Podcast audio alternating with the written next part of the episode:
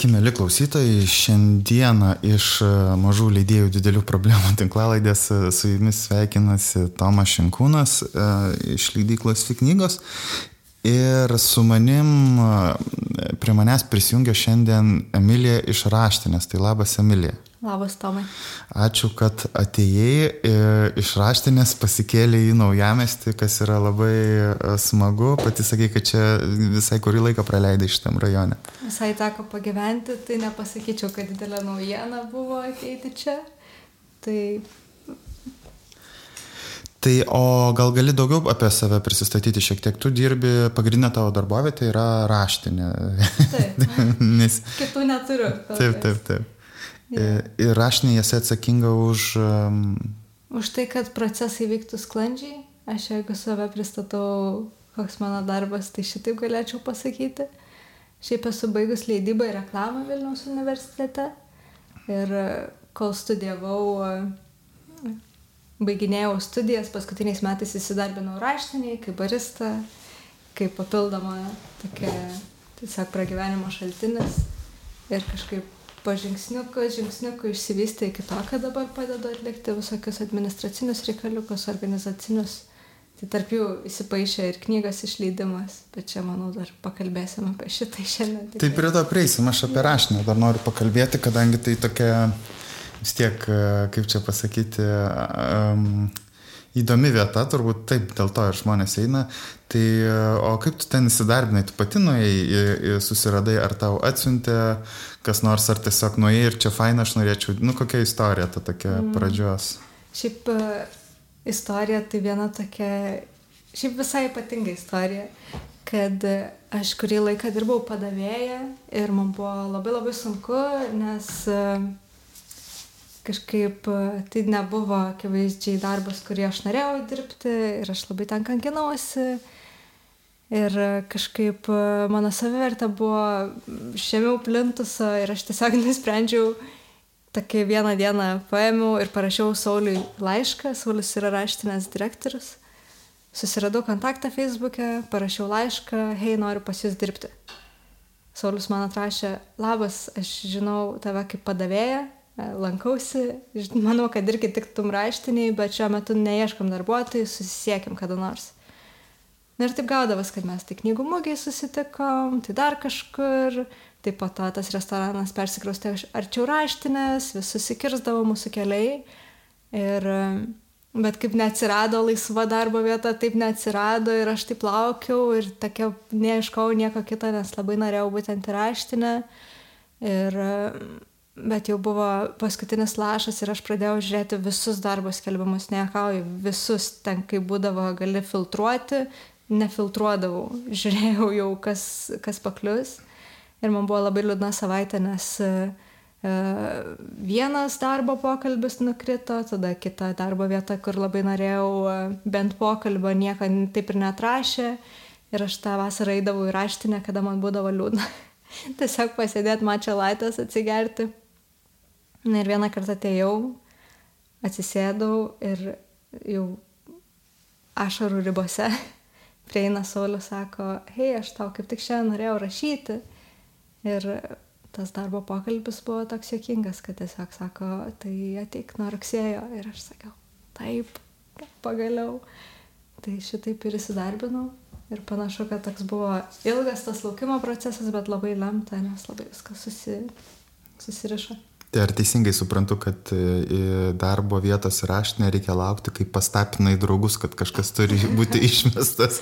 būna visko, būna visko. Viena mūsų kolegė, ji net prieš tai ne, nėra buvus raštiniai, tiesiog e, parašė laišką ir viskas labai sutapo ir e, priemėm ir puikiausiai dirbo. Tai čia nebūtina šitokių kelių eiti, tiesiog mano atvejs toks buvo.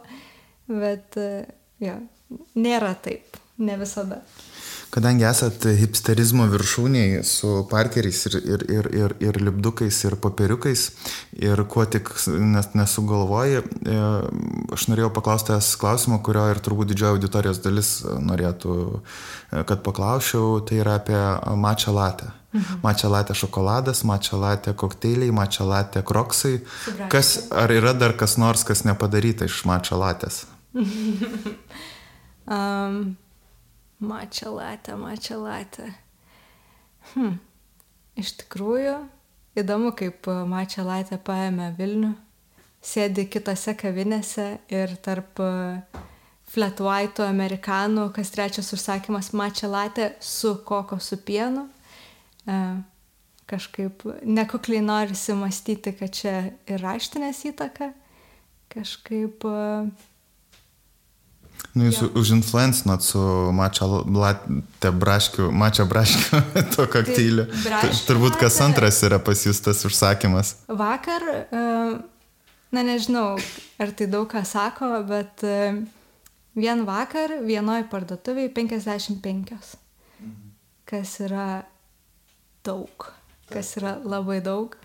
Tai aš nežinau tikrai, kaip tokie dalykai veikia dar neišsiaiškinau, kaip veikia bendras e, visuomenės kažkoks trendų susikūrimas, bet pasirodo šitas pagavo pagreitį, toks paprastas dalykas, kas yra faina ir mes to beprotiškai džiaugiamės ir patys neatsigeriam, bet, nu, tas mačios fenomenas išlieka, kad e, tiesiog paėmė kaip toks įdomus trendas, bet pasirodo jis taip nesitraukia. Visai žmonėms patinka umami spalva ir skonis, e, e, kaip skonis ir kvapas turėjo šitą perimti.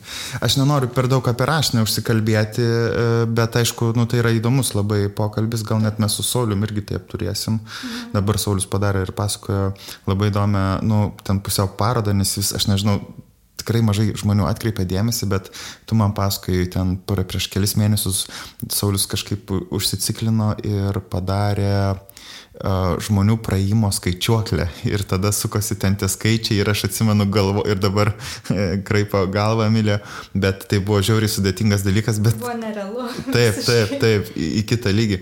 O dabar yra paroda, nu, ne paroda, aš tai tiesiog, man atrodo, meno instaliacija kažkokia tai apie dviračius. Mhm. Ir, nu, tai gal tiesiog čia neinant į tas detalės, tai, nu, man atrodo, kad e, tai yra labai uh, įdomus ir vidui labai dalykai, bet bendrai šiek tiek pažiūrint iš toliau, kad pati raštinė, nu, labai daug yra dėmesio detalėms skiriama tam tokiam e, netgi bendravimui. Pavyzdžiui, pas jūs, e, aš nežinau, ar tai yra sąmoningai ar nesąmoningai, bet kreipiamas visą laiką pirmuo asmeniu. Tad, nu, yra daug tokių mažų įvairių detalių, kurio, kurios tarsi apie pagalvotų. Ir tai yra, aš kaip suprantu, tos raštinės išskirtinumas, bet vat, kas tą visą filosofiją suveda, iš, gal iš kur jin kyla, taip trumpai, vat, jeigu papasakot ir kaip tu pati tai įsilieji, ar tau tai svarbu svarbu, ar, nu, ar, ar tai daugiau dar kažkoks dalykas. Apskritai, tas visas dėmesys detalėms yra ir šiaip tas, kur paminėjai, kad tai dviračiai, tai skaičiuoklės, tai dar kas, tai, žodžiu, kaip Saulis mėgsta vadinti, kūrybinės frustracijos išlėjimas, tai kartu atrodo ir, nu, galėtum tiesiog dirbti kaip kavinė ir parduotuvė. Jau ir tai atrodo daug darbo ir platus tas profilis. Bet e, kam kažką daryti, jeigu nesistengi būti pačiu geriausiu, jeigu nesistengi visko ištobulinti. Ir aš nesakau, kad mes viską darom perfekcionistiškai, tikrai ne. E, tiesiog geriau padaryta negu tobula. Mm, bet e, jo, tai čia yra didžiulis, didžiulis privalumas ir man atrodo, kiekvienas atėjęs galbūt net netkreipdamas dėmesio, bet kažkur viduje jaučia, ant kiek kiekviena detalė yra išglostyta Ir e, šitai yra super svarbu. Tai, nu, nežinau, man atrodo, raštinė be šito persistengimo nebūtų raštinė. Ir e, tikrai nemanau, kad keturis metus e, toks nišinis verslas išsilaikytų.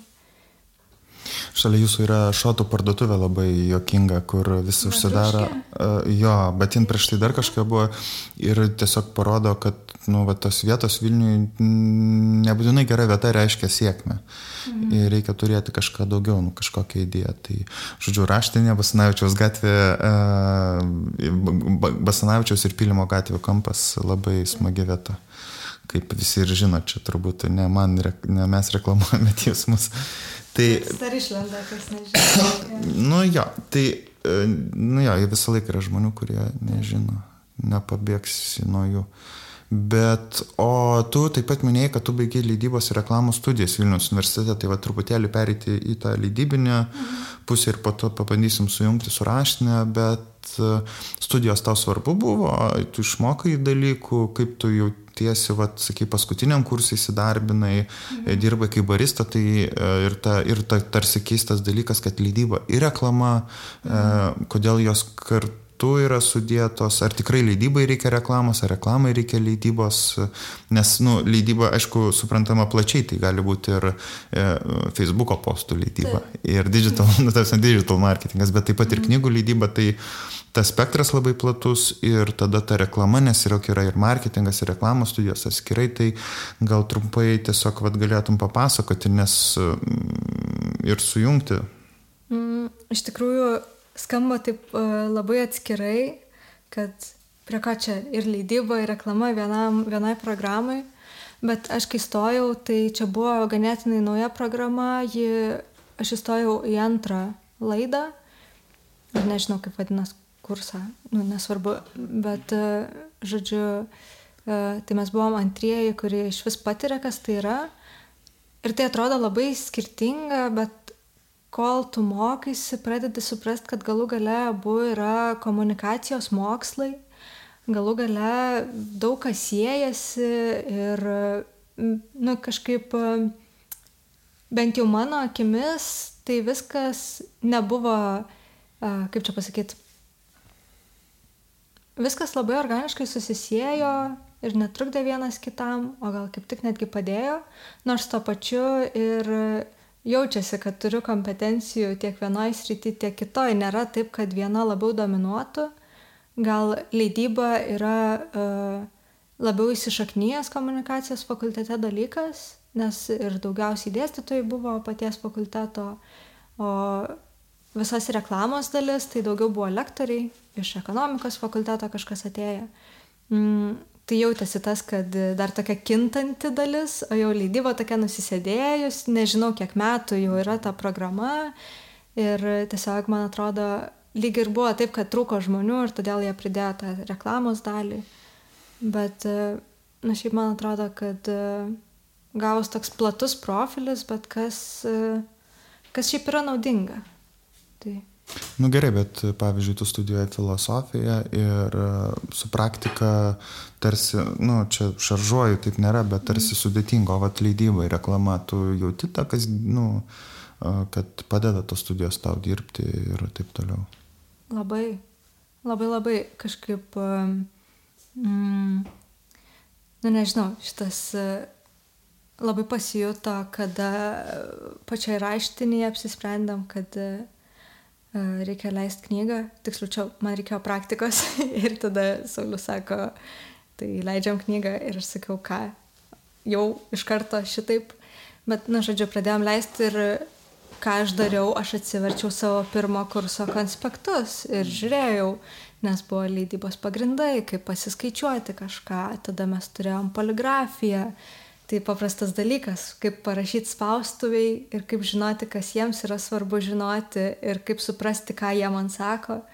Mm, tai aš įsivaizduoju, bet kad man ketvirtam kurse jau buvo lengva tą daryti ir taip atrodė, nu jo, čia taip vyksta dalykai. O aš įsivaizduoju žmonės, kurie be šito teorinio pagrindo ateina. Na, pavyzdžiui, aš nežinau, kaip tavo pirma knyga atrodė. Taip, taip, ten susirašinėjai, jo, ir daug buvo to, kur aš norėjau, kad žinočiau, ką turėčiau žinoti, bet mhm. nežinau. Mm. Tai, nu, kažkaip nevė daug streso ir, mm, man atrodo, davė tokį gerą pagrindą, o po to jau tokie visokie niuansiukai, kitokie klausimukai, nu, tai atsirado ko paklausti. Ir tavęs klausinėjom kažko, aš savo draugiai kitai rašiau, kuri irgi dirba, tai taip po truputį, po truputį um, apsišlifavo šitas. Uh, tokiais būdais, bet e, kas liečia studijų, e, visą išmoktą pagrindą, tai labai, labai padėjo leidžiant tą pirmą knygą, juo labiau be jokios e, pagalbos iš kolegų, nes nu, mes niekada nesam leidę knygos ir visai kitaip atrodė visas tas procesas negu paprastose leidyklose. Mm, tai va tas, kad iš studijų pasiemu šitą, o čia dar neliečiant visų kitų dalykų, kas yra susiję šiaip su verslo organizavimu ir rinkodara ir visais kitais dalykais, kurie ėjo greta leidybos. Tai šitas e, pasijuto tikrai. Mhm, tai, tai vat, labai skamba, kad padėjo tos studijos kažkaip aš irgi prisimenu tas pirmas e, leidybinės dienas, kad daug labai pasimetimo ir daug tokio, aš vadinu jį tokiu sąmoniai, bet ir jausmiškai ping-ponginimo, kur tave atmušinėja kaip ping-pongo kamoliuką ir vienas žmogus taip pasako, dizaineris tada taip, tada tas taip ir tu nieko nesupranti. Ir, kur yra tiesa, tu sužinai tik po dviejų metų realiai, nes, nes visi gudrus ir visi protingai moka pakalbėti, o, o, o tu kaip vadov, tam pradedi tą projektą yra gan sudėtinga. E, nu, ne tiek suvaldyti, kiek su, nu, tą žinojimą įgauti. Mhm. Tai, tai gal pabandykim šiek tiek, na, nu, aišku, turbūt jau šiandien gal ne, nėra taip sudėtinga suprasti, kodėl uh, kavinė leidžia knygas. Mhm. Tai čia tai turiu kavinę, turiu menį kabutėse, tai nėra paprasta kavinė, jau tarsi tas yra, yra aišku. Ir raštinė turi daug veiklų, kurios tiesiog vat, paknybinėja, pabando. Tai, tai gal ir pabandykim pasigilinti, tai va ta pirma knyga, e, tai Saulis turbūt sugalvojo ar ne, tą kažkokią idėją turėjo ir tau pasiūlė, kaip suprantu iš tavo pasakojimo. Tai čia viskas gimė iš to, kad mm, dar prieš visas ambicijas leisti knygas, kol buvo ambicija tik pardavinėti jau esančias, raštininkai mėgsta kartais pakeliauti po Europą, po įvairias smūgės ir tiek Bolonijos knygų mugė, tai pavyzdžiui, Saulis nuvyko, dabar net nepasakysiu kelintais metais, bet čia prieš COVID. Mm, ir tais metais e, e, ta mūsų knyga Vienas ir kiekvienas, jie laimėjo, aš dabar nepasakysiu, kurį apdovanojimą, bet žodžiu, buvo viena iš pagrindinių tos mugės knygų. Ir kai Saulis buvo visiškai pasimetęs, ką čia pamatyti, kas čia yra gero, Aušra Kidulaitė jį paėmė už rankos, pasakė, va, čia yra nereali knyga, pažiūrėkit. Ir nuo to ir gimė, kad ji taip liko mm, kažkur gale galvos pas jį. E, ir, nu, tiesiog truko to kažkokio pastumėjimo, nes, žodžiu, dar raštinė buvo visai kitokia tuo metu, tai buvo žymiai daugiau būties, visos siuntos dar keliaudavo tiesiai į raštinę, nu, čia, žodžiu, uh, tokie mini dalykai rodantis progresą. Na nu, ir ilgainiui, kada taip visas tos kortos sukrito, kad ir aš atsiradau su ta savo šiokia tokia leidybinė, kaip čia pasakyti, leidybiniu backgroundu. Ir tada viskas taip sukrito ir, nu, reikėjo tą padaryti. Ir, bet kaip ir sakiau, ta kūrybinė frustracija, kad kažką reikia kurti, galvoti, kad vis neužsirutininti. Tai šitaip jie ir išlindo. Nu tai jau nuo ko pradėjai tada, tai praktiškai jau čia šiek tiek papasakai, bet mhm. kokie buvo pirmie žingsniai, va tau per pirmą, tiesiog man atrodo įdomu ir kitiem išgirsti, ir man šiek tiek atsigaivinti, ką reiškia ir kaip tu, prad, nu, ne tiek, techniš, tiek techniškai, tiek ir prasmės e, e, atžvilgių, vat ką reiškia pradėti, norėti, nu tai kaip suprantu, jau dirba pas ir yra, e, kaip čia turi, yra iš ko daryti, mhm. yra parama ir va tau reikia pradėti kažkaip ir kaip tu tą jo. pradedi tada daryti. Ne, šitas yra didelis pliusas, kad tiesiog buvo uh, atrištos rankos, tiesiog tu padarai, kad būtų, mes visą kitą duosim. Aš tik trumpai pertrauksiu, ja. kažkaip tu kalbi ir noriu, nu, čia daugiau iš tos vadybinės pusės, bet e, atrodo, kad pas jūs rašinė yra labai daug pasitikėjimo viens kitu ir, ir atsakomybės. Gal, e, nes aš kažkaip, nu, man atrodo, kad daug gumoji vietų to nėra. Ja. ir, ir kai padirbi, ypač didžiumoji, ten, aišku, tie žmogiškų išteklių specialistai, tai čia lab, mm. pasakys, čia labai reikia ir taip toliau, ir, ir ten savo tą, nu, žodžiu, kad jie svarbus, bet aš manau, kad daugumoje didžioji, nu, didžioji vietų yra problema su pasitikėjimu ir delegavimu ir taip toliau. Bet pas jūs, va, aš matau kažkaip, kad labai laisvai, gal net sakytų kiti per laisvai e, suteikiama ta laisvė dirbti. Mm. Na kaip.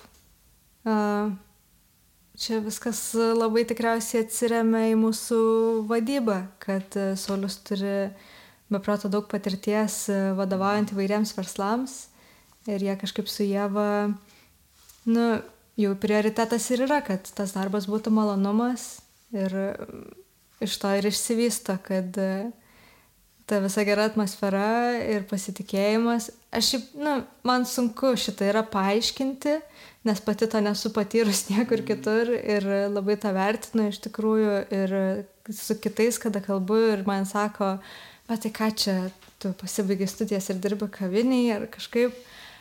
Ne, jūs nesuprantate, čia visa esmė ir yra, kad tas pasitikėjimas ir galėjimas viską daryti savo rankom, tai nežinau, tai yra super reta ir iš to gimsta geri dalykai, kaip galim pamatyti, tai čia yra gerasis pavyzdys. Tai, nu ja, ir patikėti žmogui, kuriam tuo metu 23 metai niekada nieko nedarė, patikėti keletą tūkstančių eurų, tiesiog išleisk ir žiūrėk, kas čia vyks. Nežinau, čia turi būti nukvakimo laipsnis irgi. Nu, aš tai sakyčiau tiesiog atsirinkimas ir pasitikėjimas žmonėm ir ne, ne, ne bandymas E, kaip čia Lietuvoje labai mėgsta micromanaginti viską. Mhm. Ypač labai dabar jokinga yra taktika, kur sako, aš ne micromanaginsiu jūsų ir tada viskas, ką daro, yra micro, kiekvieną dalylytę prižiūri. Bet grįžkim prie knygos. Tai, tai, tai va tas pirmas bandymas jau e, pradėti tą knygą. Nu, kaip jis atsiranda, kaip jis prasideda, nu, kokie yra pirmi žingsniai ir kaip tu jautiesi darydama tai. Mm. Dabar kapstau, kapstau smegenyse to išlys. Man atrodo, pirmieji žingsniai tai buvo susisiekti su originalių teisų savininkais, ta leidikla. Ir kažkaip e, nebuvo sunku tą padaryti, nes e, norvegai apskritai yra gerai susitvarkę savo leidybos platinimo į užsienį sistemą ir paramos sistemą ir jie padaro, kad tiesiog imk ir leisk. Mm, tai pirmas žingsnis buvo suderinti teisų įsigijimą, o tada tam, kad galėtumėm įsigyti, mums reikėjo žinoti preliminarią kainą viršelio, o tada reikėjo tam susisiekti su spaustuvėm. Tai va tas buvo vienas pirmųjų darbų, įsiaiškinus mm, visas tas specifikacijas, parašyti spaustuvėms, pasižiūrėti, kur čia yra geriausios kainos, geriausios kainos kokybės santykis tai buvo ir visai įdomus potyris važiuoti į spaustuvę ir nu, kažkaip aš toj spaustuviai buvau kartu su kursu kaip ekskursijoje ir tada atvažiuoji su reikaliukais, o čia turim tokią knygą leisti, tai aš nežinau, buvo labai daug streso, nes jaučiausi tokia visiškai impausterė, e, bet nu, labai gera patirtis ir galų gale kažkaip, nu, išsirinkom uh, tą spaustuvę ir kas toliau vyko, toliau vyko vertėjos paieškos, kas buvo neįtikėtinai ilgas procesas, ko aš nuoširdžiai tikrai nesitikėjau. Buvo labai sunku surasti vertėją, kuri norėtų su mumis e, dirbti gal labiau neužsiemusią, šitaip galima sakyti. Um, bet galų gale irgi per pažintis, per Vilniaus universitetą atrado mūsų vertėja Agne ir ne, kažkaip jau toliau sklandžiau vyko reikaliukai. Bet o atvažiuoti į spaustuvę, tas, tai, o kas spausdino jūsų knygą? Galų gale važiavo, oi, kai aš čia sakau, galų gale mm, pasirinkom Petro offsetą, mhm. bet aš dabar neprisimenu, dėl kokių priežasčių konkrečiai. Nes varėm pas standartus, bet pas standartus mums, ai, mums reikėjo specifiškai klijuotų priešlapių. Mhm. Žodžiu, pagal maketą visą ten taip buvo. Ir tada standartai pasakė, ne, Lietuvoje apskritai niekas taip nedaro. Mhm. O aš tada, ai, buvo COVID gilus mhm. ir viskas per e-mailą po to jau vyko. Mm, tai aš po to parašiau Petro offsetui su ta konkrečia užklausa, ar gali taip įklijuoti priešlapius. Jo, aišku, lengva. Tai taip ir įvyko, kad juos pasirinkom ir nu, viskas sklandžiai, žodžiu. Tai Petro offsetas nurungė vien dėl, nu, dėl to, kad padarė, ką jūs norėjote realiai. Ja. Priešlapių klijavime. O pats tas, nu, man visą laiką, aš nežinau kaip to, bet kai nuvažiuoji, nu, kiekvienas spausta turi savo tokį, čia kaip, aš vis prisimenu tą žymų į Klaipėdas politiką, mm. kur feelingo daug reikėjo, jam bus daugiau feelingo šitame mieste, bet ten yra daug to feelingo tose, aš nežinau, vat, žmonės nebuvo, iš tikrųjų tai yra įdomi patirtis, viena yra leidykla nuvažiuoti, nu tai ten jau daugiau gražiau knygutės, o spaustuvė yra tas, kaip čia nuogas e, knygos toks, jau tik, kad surinkinėja kažką, kad yra gamikla, tas popierius juda, jo, jo, yra administracijos ten kampelis, kažkur ten šalia žiūri kažkoks žmonės su Adobe InDesignu kažką veikia ir tada visas didelis ten logistinė kažkoks cechas, printeriai. Važinė. E, taip, taip, taip, bet, ja. nu, va, tai, va, o kaip tau, va, skirtingai, nes aš pastebėjau, kad kiekviena turi, nu, pavyzdžiui, ir tas, kadangi spaustuvė užima daug vietos, mhm. tai jis būna tokiuose didesnėse rajonėse, aš esu buvęs gal penkiose spaustuvėse, mhm. tai, va, Petro Setas yra Revonių gatvė, tokį ja. fainas patalpas turi, bet ten visą laiką atsimeni, kad tas keliukas su daug duobių ir kol nuvažiuoji toks, arba standartai, tai tu nuvažiuoji ten į tokį didelį pastatą, kur iš siaubo filmo atrodo. Nors viduje ten gan moderniai, bet įsirengę, bet toks truputėlį irgi, nu, senas sovietinis pastatas. Jelgavai va, buvau, Jelgavos tipografija, nu, jau, jau ten turi naują gamiklą, ten jau labai jie. Moderniai palyginus, tai, tai labai įdomus tie tokie, vat, pirminiai, aišku, po to ten vadyba, visi kiti dalykai kitaip, bet kaip tau, vat, tas toks feelingas nuvažiavus į spaustuvę? Na kaip, Uh, nu, atsakau, jie kažkaip žiūri į tas knygas, kaip uh, jiems nusispjaut, kas juose, tas turinys, ar čia kokias idėjos, jiems svarbu padaryti gerą produktą, gerą objektą ir kas yra savotiškai žavu, nu, kažkaip jie tiesiog gerai atlieka tą savo darbą. Mm, bet jo, tas jausmelis, kada atvažiuoja ir ten agregatai dideliausi. Na, aš man didelį labai įspūdį paliko, kada mes važiuodavom su poligrafijos dėstytoju po spaustuvės. Ir tas visos ekskursijos trukdavusios, nežinau, 2-3 valandas, kol apeini visus aparatus ir tas plionkės kiekis sunaudojamas. E, bet šiaip pat, kas pra, padėjo suvokti, kad knyga nėra vien tik tas sakralizuotas objektas, kur čia idėja išsireiškusi kūno ir panašiai kada pagaliau gauni tą 1500 knygų ir tau reikia jas visas susinešioti, tau reikia jas visas kažkur susisandėliuoti ir tu pajuti, kad blemba knygos yra visai ir galvos skausmas savo fiziniu pavydalu. Aš įsivaizduoju, kada tų knygų yra ne pusantro tūkstančio, o keliasdešimt tūkstančių ir žiūrkių klausimai, ir drėgmės klausimai. Jo, e, aš mes, kai turėjom va čia mažų leidėjų problemą, mes išleidom Spinozos traktatą, tai buvo trečia mūsų knyga, ar ketvirta, ne, gal ketvirta. Ir e, nusprendėm ten daryti dvi kalbį ir ten tas puslapius kiekis yra apie 600 puslapių. Į vieną pakuotę yra Petrovsetas spausdino mhm. ir trys knygos vienoje pakuotėje ir ten tu, nu, daug labai. Ir mes gal kokius keturis kartus jas turėjom pernešti kiekvieną kartą. Ir tai būdavo pirmas kartas, tai buvo su vertėjų Laurino Domaičiu, užsidėjom treningus ir tempėm ten į mano būtą tiesiog, kadangi, nu, tikrai jokio sandėlio nieko neturėjom ir, ir daug yra tos, vat, kaip tu sakai, ir fizinio darbo mhm. leidybai. Bet man patiko tavo mintis, kad um, spaustuvėm nelabai įdomu turinys, bet mm. čia man atrodo gerąją prasme, kad jie daugiau žiūri į, nu tai nėra jų atsakomybė Taip. generuoti turinį, jų atsakomybė padaryti gerą, nu, sutartą produktą, tarkim. Tai vad kalbant apie tai e, priešlapį, ar ne, tai priešlapį yra pirmie lapai po e, viršelio.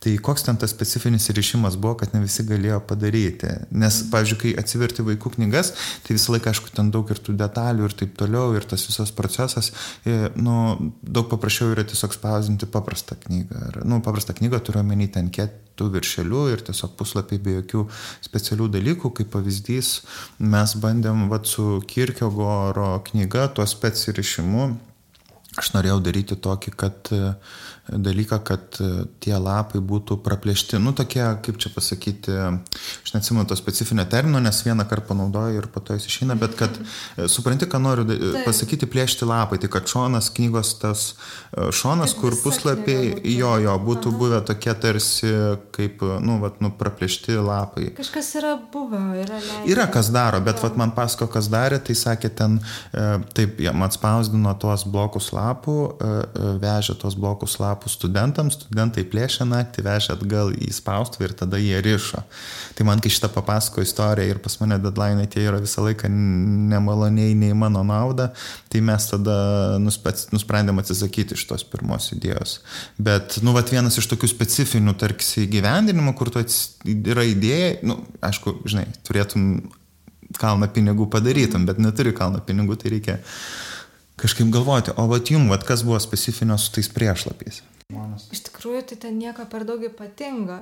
Ten tiesiog reikėjo, kad būtų priešlapis ne atskirai spausdintas lapas, o priešlapiai tai pirmas ir paskutinis bloko puslapiai būtų priklijuoti prie viršelio.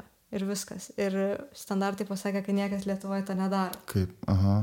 Nu, aš nežinau dabar, neturiu kaip parodyti, bet įsivaizduok. Ne, nu aš Ai, suprantu. Tai viršelis ši knyga, bet žodžiu, kietas viršelis ir tiesiog iš bloko no. visų puslapių pasiemi pirmą ir paskutinį puslapį, jeigu pakankamai stori lapai, jie gali būti kaip priešlapiai, priklijuoti tiesiog. Nu, tai. tai va, Tai čia nieko per daug ypatingo. Gal klyjų pritruko standartą? Gal, galbūt vieno specifinio aparato. Nu, nežinau. Aš juokauju, ta prasme. Ne, ne, nu čia aš nes, ja. nu, aš galvojau, žinai, ten kažkas, pavyzdžiui, lapas daro tokį įdomų įrišimą, jeigu atkreipsi dėmesį, negaliu sakyti, kurioje spaustuviai, nes čia mhm. paslaptis didžioji yra lapo okay. leidyklos, bet jie turi tokį labai fainą kietą įrišimą, kuris um, nėra prilipintas prie knygų. Nu, žodžiu, ten visai toks, uh, jie padarė taip, kad knygos lapai atsiverstų pilnai, nebūtų to tokio lankelio, kas yra labai, skaitimui labai gerai, nu, tai taip, va tie įdeda, bet jie, nu, gal ir Lietuvoje, dabar irgi nepasakysiu, gal kas nors dar Lietuvoje bijau pasakyti, bet, bet, žodžiu, yra daug tokių specifinių mažų dalykų, tai tau pirmą kartą darant turbūt buvo irgi nemenkas iššūkis, ar ne, su, sužiūrėti va šitus, nu, o kas dar mhm. buvo be priešlapių, tarkim, tai e, pats, pavyzdžiui, pavyzdžiui, užsakymas, ar dėrėjasi dėl kainos, ar, ar popieriaus parinkimas, ar rinkotės tą patį popierių, pavyzdžiui, kuris buvo norvegai, kurie naudojo, ar kitą? Būtume mėjame identišką, bet nu, tikriausiai visi leidėjai žino, kad pernai metais prasidėjo visas tos popieriaus tiekimo problemos ir kada pavasarį pasako vieną kainą, o tada aišku kaip visada visi procesai nusitempia toliau ir tada rudenį turi vos ne kiek 30 ar 40 procentų padidėjusi bendra spausdinimo kaina, kartono specifinio nėra, popierių specifinio nėra. Tai ačiū Dievui, kad labai gerai mums tą popierių jie parinko ir dar geriau gavosi negu originalas mano galva, bet uh, nu kažkaip tenai jau prasidėjo, kad e, ir viskas jau ir brango jau tada, ir jau trūko visko, tai šitas buvo toksai šokas, kad toks jausmas, kad tos kainos žiauriai kyla ir tu vien todėl turi skubinti labai savo procesus, nes tau jau sako, kad žinok, va, jeigu nepaskubėsi, jau toj bus visai kitokios kainos. Mm, tai šitas visai buvo uh, iš spaustuvės toks spaudimas, um, kad uh, Bet Petro setas tai man labai patinka, nes jie visą laiką padeda, man irgi tas pas buvo, bet čia anksčiau dar prieš COVID, mažųjų platonų serijai, nu jie turi tikrai gerą popierių, bet tas popierius yra ten siunčiamas iš Austrijos Alpių ar Prancūzijos, nu ne kažkur ten iš to regiono, labai toli. Ir e, tą popierių nunešė specialistų, sako, va čia yra iš arti, nu tiesiog yra pigesnis panašios kokybės popierius, tiesiog nereikia jo plukdyti iš taip toliau. Ir kai aš parodžiau tą knygutę Žanui Polui Monžanui, sako, jūs padarėte beveik taip pat kaip mes. Nu, ta prasme, identiškai padarėme, net nebuvo to tokio. Tai tas irgi toksai, galbūt kartais tų standartų savo prisikeli, bet iš tikrųjų tai, e, nu, nėra čia didelė nuodėmė naudoti kitą popierių tarsi. Nes, bet tu, žinai, tu darai turinį tokį pat ir jauti, kad reikia tą dvasią įkūnyti taip pat, bet galbūt čia kažkaip kažkaip nereikia ties tuo užsiciklinti. Mm, Nu ir kokias dar, pavyzdžiui, tada su knyga, ar ne, ir jau atspausta knyga, jau jūs nešiojat, prakaituojat, tada reikia padaryti pristatymus ir kitus dalykus, ar ne, tai va įsijungia, tai man labai yra įdomus procesas, pavyzdžiui, pas mus. Uh, su knygom mes kadangi ruošiam ir įvadą, nu, dažniausiai bandom, nes nėra specialistų įvadų. Jeigu jum, vat, vat, mum irgi yra dar sunkiau surasti vertėją, tai įvadą autoriaus filosofiniai knygai yra absoliučiai sunku surasti. Išeitis, aišku, yra galima tiesiog versti kažką, bet tada tai nebus pritaikyta, nu, vat, lietuviam arba taip toliau, bet aišku, daug gerų įvadų yra. Uh, kuriuos galima nupirkti, bet mums dar reikia tada padaryti rodiklę, sudėlioti tą visą kritinį aparatą, sueiti ir, ir tas laiko stumimas e, į, į, tave yra, nu, čia atsimenu vieną kartą rodiklę turėjom perdaryti, nes pasislinko puslapį, tai atvažiavo mm. mano tokia praktikantė. E, ir mes atsisėdome ir per, prisipirkom Red Bull sneakersų ir nuo ryto 8 ryto, nu, tarsi tiesiog net to žodžio prasme kapojam, aš turiu vat, įrodymus, šitą kitam sasvinį pato parodysiu. Ir visą dieną, nu tikrai ten, ten buvo, išėjo java ten vakare. Uh, uh, apie 12 valandą ir po to sutikom po savaitės ir dar purtėmės abu nuo tą darbą. Nu, bet va tokius darbus reikia padaryti, o tada jie baigėsi ir tu supranti, kad dar yra reklama, pristatymas, o tai čia nepasivaigia darbas, tai, apart to. Va, tau, jo, tau nėra to momento, va, kad tu baigi knygą leisti ir tada staiga, oi, o tai reklama, taigi žmonės nežino, kiek aš daug darbo įdėjau ir ant kiek yra šita svarbi knyga ir tarsi lieka antram plane, tai vad kaip tu tą peršokį pereini į tą kitą e, veikimo lygį. Mm.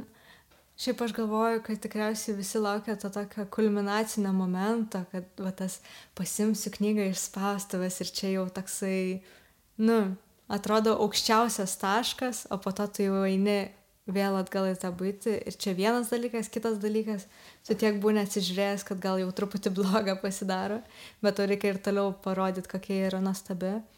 Tai mums gal, kaip pasakyti, mes daug mąstėm apie tai, kaip galėtų atrodyti tie visi pristatymai tik kartu taip ir koją pakišo, bet galiu sakyti, galbūt ir truputį išgelbėjo tai, kad buvo vis dar karantino sąlygos ir sugriežtinimai įvairūs, tai mes apie renginius nelabai galėjom svajoti tuo metu ir reikėjo kūrybiškai tiesiog suktis. Ir iš to ir gimė, kaip minėjai, ta vitrina, kur skaičiavo praeinančius žmonės, e, Tai čia šitas buvo mūsų toksai kaip pristatymo visas ir pagrindinis objektas iš tikrųjų, nes mes turim tą puikią vitriną vidury e, miesto centro, kur beveik nei viena leidikla negalėtų tuo pasigirti. E, visiems reikėtų tą nuomotis atskirai, tai mes tą išnaudojom. Mm, nu, bet kažkaip tik tai to, kad tradicinio apraučio, kad daryti renginius, pristatymus ir kažką, uh, gal mums truputį to pritrūko, nes nelabai yra patirties, mes niekada to nedarom, nu, nėra taip, kad gauni naują užrašinę ir iš to padarai spektaklį. Tai mums buvo toks, čia pala reikės paustinti daugiau negu vieną kartą apie tą patį dalyką, taigi mes čia užknisim žmonės, tai reikia iš naujo mokytis, kaip tą daryti, mm, iš naujo kažkaip strateguoti, nu, bet kažkaip Jeva, kuri atsakinga už Instagramo dalį, tai, tai prasilaužė ir ten jau kasdien nuoširdžiai varė ir tas tikrai jutasi. Tai kažkaip pasileidom ir mono peidžą. Uh, na, žodžiu, buvo to tokia knisalinės, kuri uh, buvo tokia numatyta, mes to tikėjomės, mes tą planavom iš anksto, bet tai, kad tai antiek skiriasi nuo to, ką šiaip mes darom kiekvieną dieną, Tai kad visiems buvo toksai atsibudimas, kad oho, čia visai um, ir kitaip gali veikti. Tai žodžiu, nežinau, čia truputį užvėliau visą šitą, bet, uh, nu, tas visas knygos atsiradimas tik dalis, visa pradžia. Jo. Bet tai yra didžiulė makalynė ir tą viską išspręsti, kai šalia visų darbų reikia mm, pastangų ir kai yra laikas limituotas, ypač, man sakau, man tas momentas, kada tu supranti, kad dar knygą reikia išreklamuoti, pristatyti visuomeniai, yra ir jėgų neturi, va, pavyzdžiui, po persidirbimo, nu tiesiog būna, kad dirbi e, kažkurį ten savaitę, baisi buvo, kad trečiąjį nemegoti, aštuntą keliasi mhm. ir varai, nes yra deadline'ai, yra mūgės, kiti dalykai, aišku, kitom dienom bandai susirinkti tai toks labai nepastovus tas darbo krūvis, bet po to dar vat, persilaužti ir tą reklamą ir tada viskas po truputėlį sugriūna, nes tu neturi, net ne tiek, kad žinojimo, tu nebeturi psichologinių jėgų, turbūt dar kartą, vat, kaip tu sakai, yra tas, taigi aš jau čia jau 20 kartą žiūriu į tą knygą, jau žiūriu ir dar reikia kažkam čia aiškinti, kad čia gera knyga. Nu jau ne, jau aš neužknysiu žmonių su savo šitom mintim, ar ne? Taip, nu, mums kas pasidė, pa, pa, padėjo, vat, praeiti būtent šitą, kad jau nebegaliu į tą knygą žiūrėti, uh, tai labai padėjo iš anksto, nežinau, dabar nebeprisimenu, bet tuo metu buvo, mm, mes galvojom, kad tai yra trys mėnesiai iki knygos išleidimo, bet pasirodo, tai buvo pusę metų iki knygos išleidimo, mes atsisėdom, pasidarėm susirinkimą, kur apsibrėžiam, kaip mes kalbam apie ją. Kokie yra pagrindiniai taškai, kaip mes ją pristatom vieniems žmonėm, kaip mes ją pristatom kitiems žmonėm. Ir tas mums labai padėjo, nes tu tiesiog turi šabloną, pagal kurį tu kalbi, tu visada pasakai tai, ką nori pasakyti ir nereikia iš naujo galvoti. E, bet kas baisiausia buvo, tai e, knygų mūgiai, kada, e, nu tikriausiai visi kiti leidėjai atsisėdė, nežinau, mažieji, tarkim, su savo keliolika knygų, tai vis pavarijuoja, apie ką kalbi. Mes knygų mugėj stovim trise ir visi visą dieną kalbam apie vieną ir tą pačią knygą, e, keturias dienas iš eilės. Nu, tai po to jau atrodo kalbi, jau truputį autopilotų ir tu matai, kaip tu prarandi tą žmogų, nes pats esi kažkur kitur, tas žmogus nesiklauso, tai šitas buvo sunku, bet, na žodžiu, labai padeda kažkaip tiesiog iš anksto apsibriežti ir tarpusavį susitarti. Yeah. Reklamų specialistai atsimins, kad kažkada ankstyvuoju nepriklausomybės laikotarpiu Coca-Cola buvo paleidę tokią akciją, vėliau vėl leido, bet e, galėdavai laimėti dar vieną Coca-Cola buteliuką. Aišku, tu jo beveik niekada nelaimėdavai, bet laimėdavai tą kamštuką su užrašu bandyk dar kartą. Ten net būtų tokių įdomių e, taktikų, kad kaip prašviesti, pražiūrėti ir kažkas jau būdavo žinodavo, kuri čia teisinga ir išrinkdavo, atrodo, tas visus buteliukus su, su pergalė ir prisigerdavo nemokamai Coca-Cola nepriklausomybės pradžioje. O tu, ar bandytum dar kartą leisti, leistum knygas? mm. Nu jo, šitas klausimas aš jau. Tiesiog būna tam tikri projektai, pavyzdžiui, kurie praeina, gauni, e, nu, kadangi čia leidėjų apie leidybą kalbame, nu, man tai, pažiūrėjau, tu leidai toliau, bet galbūt tiesiog vieną kartą jūs padarėt ir jau, okei, okay, mes šitą turim, jeigu liks vėliau, arba, nu, supranti, ko noriu paklausti. Taip, nu, šitas yra didelė privilegija, kad mes galim rinktis, kad tai toli gražu nėra mūsų pagrindinė veikla ir mm, tai šitas yra smagu Nes iš tikrųjų dabar, kai tiek atsiranda tos finansinės rizikos ir kažkaip, nu, kai pasiklausai, pasižiūri, kokia ta situacija leidybos dabar, nu, kažkaip pasidžiaugi tikrai, kad čia nėra tas pagrindinis dalykas, kurį darai. Sorry, Tomai. tai, bet kas liečia šiaip patį procesą ir kas liečia nu čia aš negaliu kalbėti už visą raštinę, bet kas liečia mane asmeniškai, tai man tas buvo labai įdomu, man tas buvo geras iššūkis ir, nu, toks įprasminimas viso savo studijų periodo. Bet ar aš tai norėčiau daryti vėl, kodėlgi ne, nes tai buvo, kaip čia pasakyti, daug darbo, kuris nėra nemalonus, kuris yra įdomus ir tada tu gauni tą tokį didelį pasitenkinimą ir aišku rezultatą, kas yra visada labai malonu. Mm, bet e, įtariu, kad jeigu tai daryčiau penkis, dešimt metų ir tiesiog pumpuoti tas knygas, nežinau, nežinau, nu čia reikia paklausti žmonių, kurie jau tą ilgai daro ir, ja. Yra istorijų, kurie atidirbę didelėse leidyklose, jos tiesiog užnisa tas pumpavimas ir turinio nebuvimas ir išeina ir įkuria savo leidyklas ir varo žiauriai gerai. Mhm. Čia ne mes, ta prasme, mes ne, akivaizdu, man atrodo tas. Um, gerai, o paskutinis toks klausimas, tai o kokias knygas dabar skaitai, sakai, kad yra pas tavę eilutė visa, ar, ar, ar dabar neturi laiko skaityti, koks yra, koks yra tavo statusas su, su, su dalyku, kuris yra visą laiką panosimi, bet e, ne visą laiką ant akių. Taip. Uh, nu, aš turiu tą dalyką, kad labai mėgstu pirkti ir turėti knygas Tai čia toks ir malonumas, ir problema.